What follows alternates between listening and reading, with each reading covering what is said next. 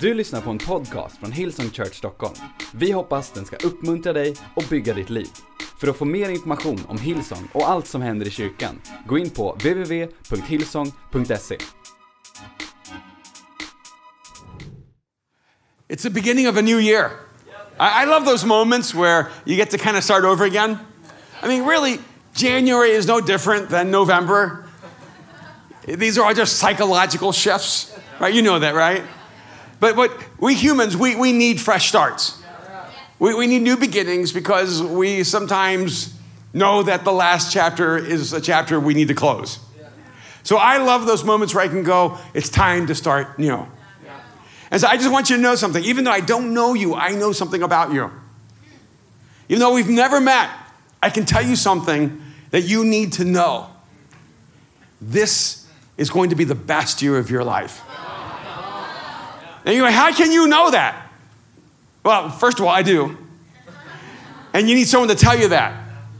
This is going to be the best year of your life. I don't know what last year was like. I don't know what the last few years have been. I don't know what the last decade has been for you. And maybe there's some of you here and you just keep repeating every year over and over again. It's been the worst year of your life too many years. And because you're in a rut, because you keep living the worst year of your life, you don't know that this year is going to be the best year of your life. Have you ever just wanted to step into a future that was different than your past? See, the reason I know this is going to be the best year of your life is that if you will choose right now to make it so, it will become so. I think a lot of times we want life to come to us when we actually need to move toward life. This can be the best year of your life if you decide right now. I'm going to step into this year with courage and with faith, with determination, with strength, with resolve. I'm going to step into this year differently than any year I've ever lived in my life. Now, what I don't want you to hear me say is it's going to be the easiest year of your life. It, can, it might be the hardest year of your life. It might be the most challenging years of your life. It might be the year that will define you by some of the greatest struggles you have ever faced. But that can't stop this from being the best year of your life. But we live in a culture where I would describe it as we live inside of a mythology of greatness. Hey, have you ever noticed that even generationally, it's getting harder and harder to feel like your life means something? Isn't it odd that we live in one of the most technologically advanced times in human history? We have more freedom, so many of us, than any time in human history. You have more cultural, social, economic advantages than any generation before you. And yet you may actually feel more paralyzed than any person in the past. See, when people didn't know they had options, they, they were not paralyzed. They only had one option I'm going to be a farmer. You didn't have an identity crisis, you just were a farmer. If your father was a blacksmith, you were a blacksmith. If your father was a cobbler, you were a cobbler. And we're, not, we're just talking about the fathers. Because you didn't have a lot of options if you were a mother, you just became a mother. And if you're a daughter, you became a mother, and that became your life. See, a lot of people didn't have options, and we have so many options right now that we become paralyzed because the future is so open, not because it's closed. See, I want you to realize something. There are many of you that are not experiencing the best years of your life, not because you don't have so much opportunity, but because you have too much opportunity.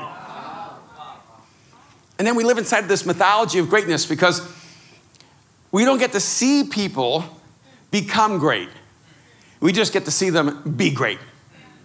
I grew up with Bjorn Borg as one of the greatest tennis players who ever lived. I mean, I was not a McEnroe fan, even though he was the American. And I remember Borg beating McEnroe and being so excited because he was, he was my kind of athlete. He established a standard of greatness. And some people who were close got to see the, the price that was being paid for greatness to be the best. Can you imagine being the best in the world by the time you're 25? I mean, what do you do with the rest of your life? Well, that's right, you make underwear. You, you can do whatever you want. I remember when I, when I saw his advertisements for, for underwear, I thought, wow, I didn't know there was a relationship between tennis and underwear, men's briefs. Have you ever realized that if you become great at anything, people will listen to you talk about anything? But what happens is we, we watch individuals who become so extraordinary. Ibrahimovic is, is like this incredible soccer player, and we watch him play. We, we watch Messi play, Neymar play. And we think it looks so easy. In the States, we have LeBron, we have Steph Curry. We had Michael Jordan, who's become a global icon. See, Michael Jordan ruined basketball. He made it look so easy. But there are players who are better than Michael Jordan who have never played in the NBA. Because they, they embrace the mythology of greatness that if I'm great at something, it should come easy. And then we add our faith, our calling, our destiny. If God gifted you to do something, shouldn't it come easy? If God's called you to something, shouldn't just sort of come out of the flow of your natural life? See, I, I think one of the great challenges that we have right now is that we're confused about how God does great things in our lives. We, we think that if it is God, it should not be hard. And if it's hard, it isn't God. But there's one particular verse that, that reminds us of something really important. That while God invites us to step into our greatest success. And that's what I want to talk to you for a few moments. I, am not a really big guy talking like prosperity and you know, a lot, a lot, of us talk about prosperity as if God just wants to drop money on us like the lottery. But, but I, I do think we, we need to understand success. That God wants to do something in your life and through your life that will astonish you and will affect the lives of others. And I don't want to talk about your success so that you can be happier or so that you can be more famous or so that you can be more admired. I want to talk to you about maximizing your God given capacity because the world needs you to accomplish the most good that you can do. Because it would be so easy in the comfort of our achievements to say, I have enough, I've done enough, I'm happy and not really ask the question how much am I supposed to contribute to the good God wants to do in the world? So there's this one verse in the book of Ecclesiastes. I love Ecclesiastes. I love the writings of Solomon. I understand Solomon. The Bible says he's the wisest man who ever lived, and yet he lived a really stupid life. Just shows you that you need more than knowing there's a huge gap between knowing and doing. It's called character. In Ecclesiastes chapter 10, verse 10, Solomon says this As the axe is dull and its edge unsharpened, more strength is needed. But skill will bring success. Now, I, I, I love that, letting that sink in for a moment because the Bible actually talks about success. See, I, I actually think God wants us to be successful. And, and sometimes we forget that the Bible is written by people who are continuously oppressed. I think we think the Bible is written by free people who are living the best life. But we need to look back and realize that the, the men and women that we see as our heroes in the scriptures, they lived incredibly oppressed lives. Joseph was a slave. Daniel was a slave. Moses was an exile who ran because he was a murderer. Esther was a victim of the sex trade, who was a concubine who became a queen. Ruth was a refugee who was a widow. The story of the women and men that we admire in the scriptures are the stories of people who went through so much heartbreak, so much pain, so much difficulty. And I hear a lot of people whining all the time. Well, well, the reason I haven't lived up to God's expectation on my life, the reason I've not fulfilled my potential is I had so much pain in my life. Now, I don't want to discount your pain. I'm sure you've been through pain. I know that your wounds are real, but, but if you want to compare your life circumstances I don't know if they compare to being under Babylonian captivity. And even Jesus. Jesus was a slave. He was born a slave. His people were slaves to the Roman Empire. Everything Jesus stepped into, everything written in the scriptures before Paul, were written by those who were under the oppression and rule of an empire that dominated and controlled their lives. So, whenever the scriptures talk about freedom, it's talking about it from the context of slavery. Whenever the scriptures talk about being alive, it's talking about in the context of oppression. So, don't you think if God could take Esther and Ruth and Daniel and Joseph and Moses, and Moses and, and do something extra with their life, that God can bring success to your life? Now, that success won't look the same for all of us. Because really, in the end, success is living the life you're created to live and living it fully. Here, Solomon, though, gives us an insight. He, he says, If the axe is dull and its edge unsharpened, more strength is needed. Now, I'm here, and, and I know that, that hunting is popular for some people. I wonder, anybody here Ever been a lumberjack? No. One? I was a lumberjack for a short time. Very difficult. Hard work cutting down trees. I remember one holiday we went into the mountains of Virginia cutting down trees all day, putting them on the back of this massive truck. We didn't notice that it had been raining. And so as we put all those logs on the back of the truck, the truck just sinking deeper and deeper and deeper into the mud. And the trees were so thick and so heavy, so weighted that we couldn't get out of there. And we had to literally unload every tree through the night just so we could get out. We cut down trees all day and went home empty handed. That made the pain of cutting those trees so much more. But one of the things I, I had to learn is that there's an angle in which you have to cut. And there's actually an art and a skill to cutting down a tree. And it's really important as you get closer to the end so that the tree doesn't fall on you or on the truck, so that it falls in the direction you want it to fall in. And, and, there, and you leave the small trees alone, the ones that are easy to cut down. You, you have to go after the trees that actually take work. And you, you're, you're getting paid by not the hour and not by the blister you're not getting paid by the sweat or the toil or the work. You're getting paid by the weight of that wood. So, how much you're able to cut down matters, so you don't want to stop. You just keep cutting and cutting and cutting. And one of the things you learn early on is you have to take time to stop cutting because you need to sharpen the edge of your axe. Or you end up working harder and getting less accomplished. And so Solomon warns us. He says, You need to pay attention to your edge. And, and some of us, we need to find our edge. There's some of you here, you've lost your edge. Some of you, you've worked and you've worked and you've worked, and, and, and maybe you've actually prayed and prayed and prayed and believed and believed and believed, and something that you longed for did not happen, so you just stopped sharpening your edge. Or maybe you, you haven't taken the time to invest in your own soul. And so you're working so hard, but you're getting so little accomplished. That's because you haven't stepped back away from cutting the tree to sharpening the blade of who you are. So how do you find your edge?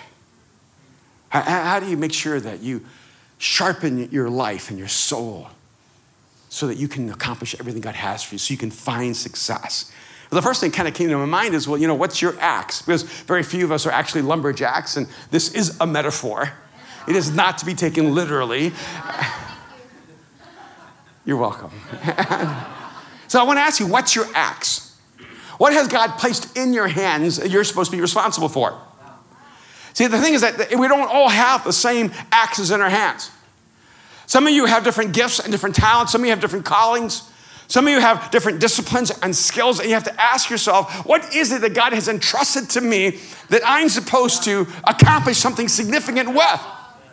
And so as I was processing this for myself, I thought, well, you know, some things that, that are my acts that have nothing to do with my career.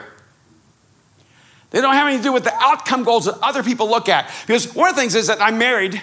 My wife's name is Kim. We just celebrated 34 years of marriage. And I know a lot of people go, wow, you've been married to the same woman for 34 years? And I go, no, she keeps changing.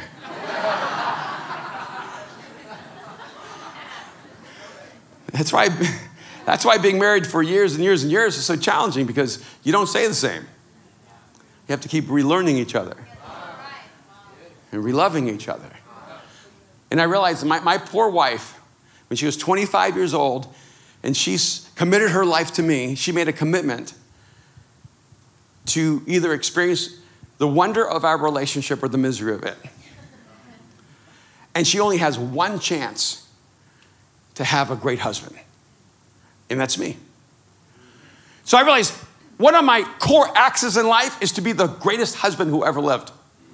See, I have one particular mission. I want my wife to die knowing that maybe everything else didn't work out, but she had the greatest husband on the face of this earth. So I don't know what kind of husband you are, but you're not in first place. Because I'm taking that axe, and I want to make sure that my wife has the greatest husband. I don't want her wondering, is there a better man out there who would be a better husband? I want her going, I can't believe I have the best husband in the world. And that's not contingent on her being the best wife in the world. It's just because it's my axe. And I grew up, and I, I grew up fatherless, so I made a commitment in my life to be a great father. That was an axe given to me. So when Aaron was born, we had a son, and our daughter was born, we had Mariah. I made a commitment, and I know I, am not a perfect human being. I know I've made a lot of mistakes, and, I, and, and I'm sure I could do a better job the next time around. But I don't get it next time around. I got one time around. So I, I tried to take that axe being the best dad in the world that I could be. See, there's certain things that no one else can do but you. And there are people whose lives will be forever affected by whether you decide to do it well or not. But you may have another axe as well your career. Maybe you're a doctor or a teacher or an architect. Maybe you own a company or you're an employer or an employer. Well, what's the axe that God has placed in your hand? And I see, I think a lot of times we abdicate responsibility for bringing our best because we say, well, this is not really what I'm committed to. I don't know if it's true in Sweden, but in the States, we have this dilemma where no one has a career, everybody has a job. Like everybody's like passing through. I'm just doing this right now. And, and, so what happens is that people justify doing a poor job at work because it's not really their career. And people don't realize why they never get promoted, why they never get elevated, why they never move to their dreams because they don't take responsibility for what has been entrusted to them. See, and right now in your life, there are things that God has entrusted you to. There are things that God has trusted to you. And you need to ask yourself, what is it that God has placed in my hands? And what am I doing with that? You need to also ask yourself, like, what's my tree? Like, so when you're cutting and you're a lumberjack, there are different kinds of trees. And, and ironically, there are trees that are easy to cut down and trees that are hard to cut down. Like eucalyptus trees are really easy to cut down because they're brittle, but they're worthless. The trees that actually have worth are the ones that are really difficult to cut down. See, and, the question I, I, have for you is like, what, what's your tree? What are you trying to do that actually make a difference in the world? Our, our, our church in LA, Mosaic, the average age is probably like 25, 26. We're filled with 20 year olds. And they're, you know what they're never asking me? Like, I've been a writer for the last 20 years of my life.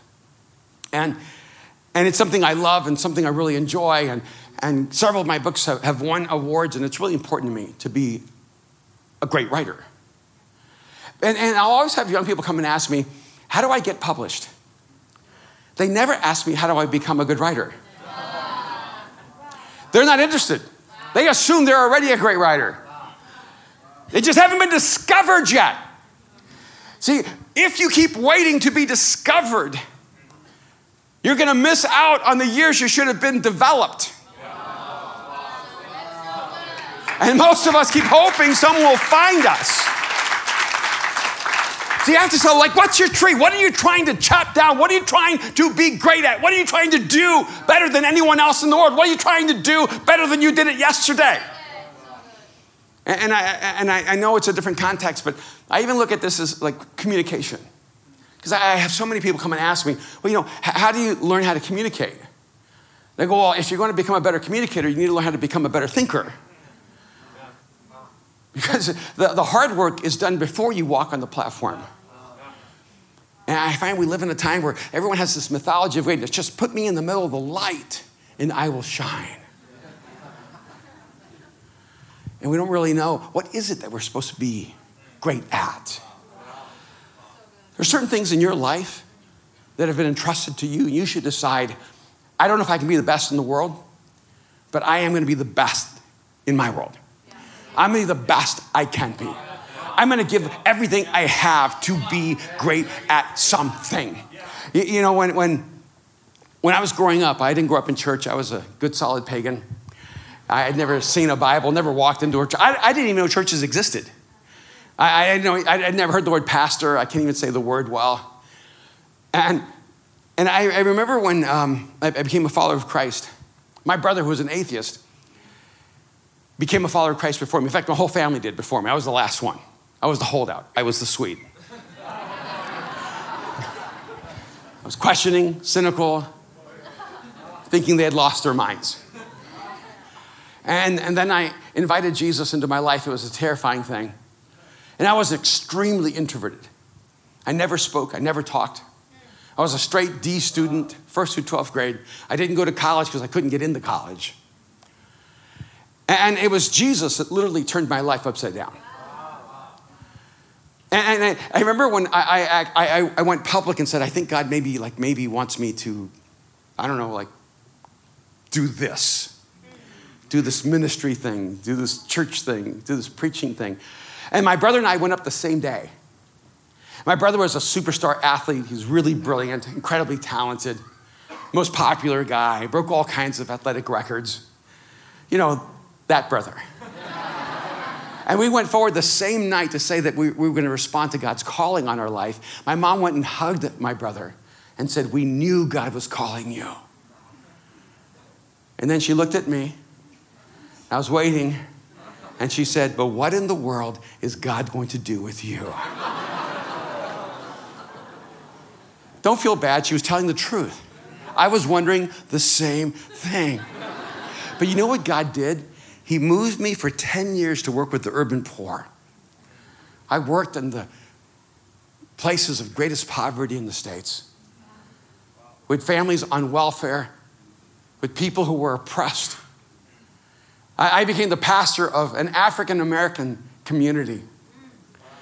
I, I, I, was in the middle of a world where everyone was unemployed, and the number one employment was drug cartels. And I, I would go to the grocery store and I would notice that the meat in the grocery store was rotten and expired. And the states at that time had a system where all the good food would go to the grocery stores among the rich. And then once they expired, they would send them to the grocery stores among the poor. And then they would charge more money in the impoverished areas than they did in the rich areas. And, when I was there in those years, I made a decision. I said, God, Everyone here gets the worst of everything. Could you make me a great communicator so that they would have the best of something? I, I, I never opened my mouth and went public because I, I needed the light or wanted the light. I had no signs of any talent or gifting. And I think that the beautiful thing about it is that, see, when you're cutting a tree, you're not focused on yourself, you're focused on the tree. It's not about you. It's about taking all the strength you have, all the ability you have, all the focus you have, all the passion you have, everything you have, and you focus it on the outcome. See, what, what, what could God do through you if you stopped asking the question, God, what are you going to do with me or for me, and just ask, how can I serve others with what you've given me? You know? If the axe is dull and the edge unsharpened, more strength is needed. So I wonder, like, how dull is your edge? Well, what, you know how you can know if your edge is dull or sharp? If the work you do gets easier and easier or harder and harder. Have you ever given yourself to something you wanted to do, but the more you did it, the harder it got?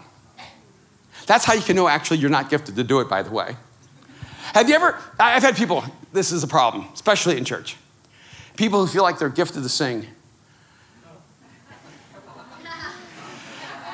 And they are gifted to sing. They're just not gifted to be heard singing. See, I, I, I had passions in my life. When I first became a follower of Christ, I was a musician. And I played my guitar, I wrote music, I sang at festivals. Man, that was my dream. And it would have worked, except I wasn't very good.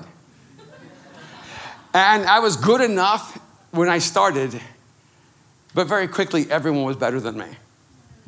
Even my kids got better than me. In fact, when my kids started playing music, I just gave up.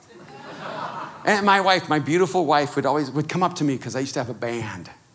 It was a cool band. We were so cool. I mean, you know, I, I had a Japanese drummer and a girl bass player and an African guitar, lead guitarist and, and a Latino lead singer. I mean, we were just we just looked so good. And, and, and until we in, until the moment we played that first note, we were awesome. and, and my wife would, would say to me, honey, do you think you should be doing music?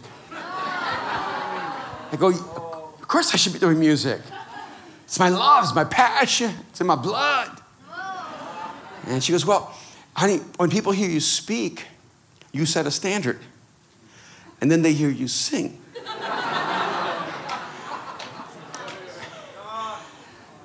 It was a painful thing to hear. But and I kept practicing and practicing and practicing and practicing. And one thing I realized is I wasn't getting better. I was working harder, but I wasn't getting better. But then there's other things that I did that I didn't love as much. I just did it because, well, it served other people.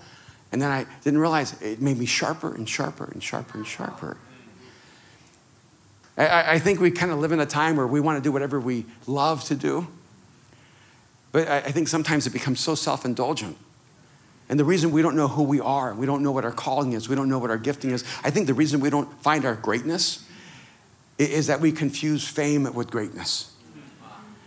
We want to be famous because fame doesn't really take work, but greatness takes work.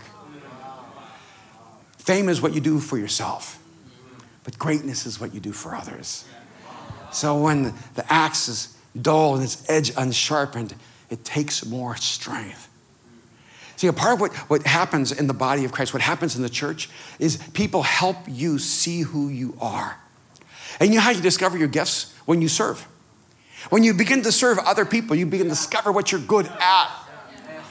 I, I, I mean, I, I stumbled into who God made me to be. Not, not because I ever thought it would be who I was or anyone ever came and said, Oh, we, th- we see this talent. See, I, I'm a perfect study in a person with no talent. Because up to the age of 20, I looked like God forgot. But what happens is when you begin to serve people, that begins to sharpen your edge. Servanthood is how the edge of your blade gets sharpened.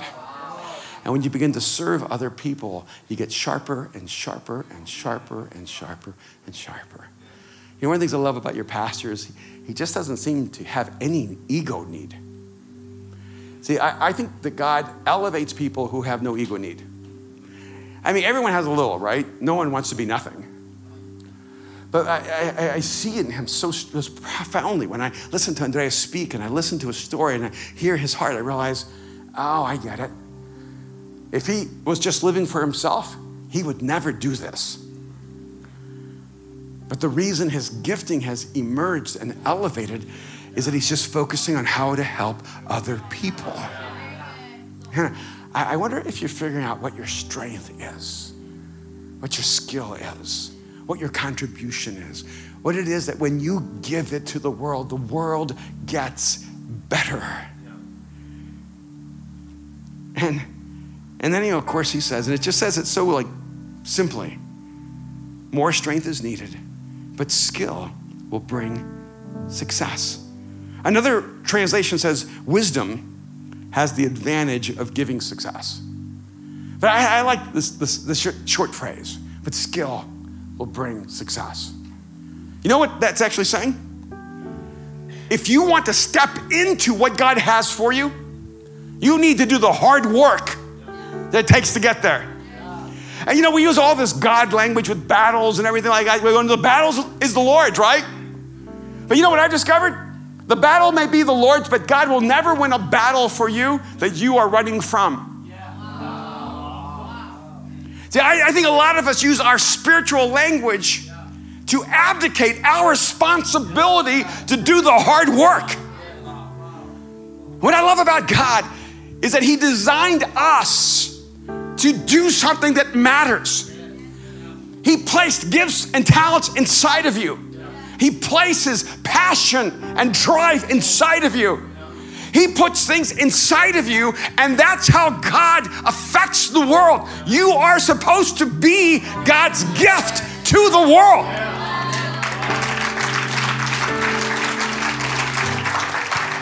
But skill will bring success. You know, this year I turned 60 years old. And one of the things I've learned after six decades of life is that if you will work hard enough, people will eventually see hard work as talent. you just keep working and working and working, and you do not give up, you do not quit. You just get up and get up. Every time you fail, you just get back up. When the rubble crashes on you, you just push your way back through. You just don't allow the circumstances and the problems of life, the times you failed, the times you've fallen down, to stop you from moving forward. And at first, people think you don't have any talent. Yeah, my talent is not giving up. And if you will do the hard work, one day that hard work will look like talent. You know, when I was 12 years old, I was sent to a psychiatrist. I was in and out of a hospital. They told me I was retarded. I, just a few months ago, my mom came to see me and she was just so sad. And she's apologizing for the things that we experienced as kids. And she goes, Honey, I'm so sorry for the way we treated you. Goes, I'm so sorry for the way we treated you. She goes, We just thought you were stupid. That was the, the best she could do. We just thought you were stupid. And so we didn't know. She goes, We didn't know you were a genius. Oh, I don't know I'm a genius, but I know it wasn't stupid, but I thought it was stupid. But you know what I've discovered? You know what's funny now? I get called a genius all the time, which I think is so funny. You know what I've discovered? Perseverance. See, resilience. See, if you just refuse to quit, if you refuse to be less, see, what I know is that God has already chosen you, but you have to choose yourself. You have to decide I will not live an insignificant life. I will not allow my life to be meaningless. See, what I've discovered is that eventually hard work is mistaken for talent. And perseverance, other people call it stubbornness, will eventually be mistaken for genius. Because there is greatness inside of you, there is genius inside of you. But it is deep inside of you and it doesn't come out easy. It comes out when you take your axe and you see that tree that looks too big to come down. And it's called impossible. And you decide, I'm going to give my life to do something that matters. I'm going to give my life to make a mark in human history. I'm going to give my life to prove that the impossible has always been possible.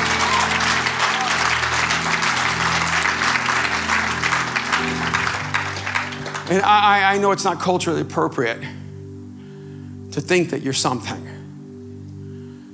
So just hear a stranger tell you that you're something, that you matter, that there are gifts and talents in you that, that the world desperately needs.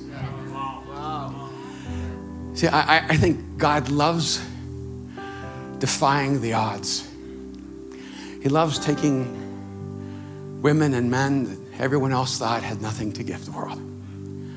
He loves taking people that just look so ordinary and so average and doing something so extraordinary, so beautiful. See, as long as I have a breath, I know I am proof that uh, God doesn't need the best looking axe, doesn't need the richest axe, He doesn't need the most talented axe. He, he just needs the lumberjack who just keeps swinging and swinging and swinging and swinging and says, God, God, I'm not going to give up. I've made mistakes. I've messed up. I know I don't deserve this. God, I, I, don't have enough talent. I'm not intelligent enough. I'm not educated enough. God, I, I know I'm not enough. And since you still want me, that's enough.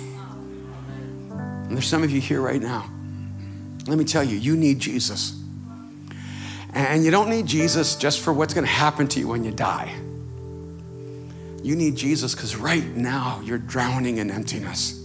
Because right now your soul is longing to find meaning. Because right now you are so desperate to know if you're an accident or if there's meaning and intention to your existence. And I want you to know something when Jesus died on the cross, he marked your value. I don't know why, but God sees us and we matter to him and he loves us and he believes in us. And I want to invite you right now just to cross the line of faith and let Jesus make you who you're supposed to be all along. Would you just bow your heads with me just for a moment? Just close your eyes. When the axe is dull and its edge unsharpened, it takes more strength. But skill brings success. This is going to be the best year of your life. Decide right now that it will be so. And for some of you, the best year of your life begins right now as you cross the line of faith and you give your life to Jesus. And you may not know how to do that, so I just want to lead you in a moment. See, God wants to meet you here. He wants to give you His life. He wants to put His life in you, but to do that, He needs you to give Him your life. It's a great exchange. You give God your life, He gives you His and so, right now, I want to lead you in the prayer, just one sentence. It isn't everything you need to say, but it's the beginning of a conversation that will last forever. Here it is one sentence. Pray this with me. Pray this to God. Pray this to Jesus. Let Him change your life. Here it is Jesus, I give you my life. That's it. Jesus, I give you my life right now. Just tell Him. Don't let people make it more complicated than it's supposed to be. Jesus, I give you my life. Right now, just whisper it to him. Jesus, I give you my life. If that's your prayer, if you just whispered that to God, Jesus, I give you my life, I want to pray for you. But what I want you to do is, I, I, I want you to do the hard work of making external what you just did internally. So if you just prayed this prayer, Jesus, I give you my life, if this is your desire, your confession, I want you right now just to hold your hand up high so I can pray for you. Right now, if that's your prayer, Jesus, I give you my life. Wonderful. Just hold your hand up high right now. Right now. This moment. Beautiful all over the room. Anyone else right now, just hold it up high. Don't be embarrassed. Don't be ashamed. This is a sacred moment. This moment is for you right now. Just declare it. Make this the best year of your life. Jesus, I give you my life. Right now, if that's you, just hold your hand up high right now all over the room. Anyone else right now? Jesus, I give you my life. If your heart's pounding against your chest and you're just desperate for me to close, that's God talking to you. Right now, just say, Yes, Jesus, I give you my life. Anyone else right now? Right now, anyone else? Father, I thank you for those that in this moment have responded to you, have whispered these words Jesus, I give you my life. I pray that right now, God, you would wrap them up in your love. Let them know that you have heard their prayer, that you have answered their prayer, and that they belong to you. And that in this moment, you, Jesus, are now their life, that you dwell within them, that they belong to you, that you will never leave them or abandon them, that from this moment forward, that you will guide them. And God, I thank you that beginning this moment, they can know this is going to be best year of their life. May they live and find their edge and cut down every tree set before them. We pray in Jesus' name. Amen. Can we just thank God for those who've responded to Him? Thank you, guys. Du har lyssnat till en podcast från Hillsong Church Stockholm. Om du vill veta mer om vår kyrka eller om våra söndagsmöten, surfa in på www.hillsong.se.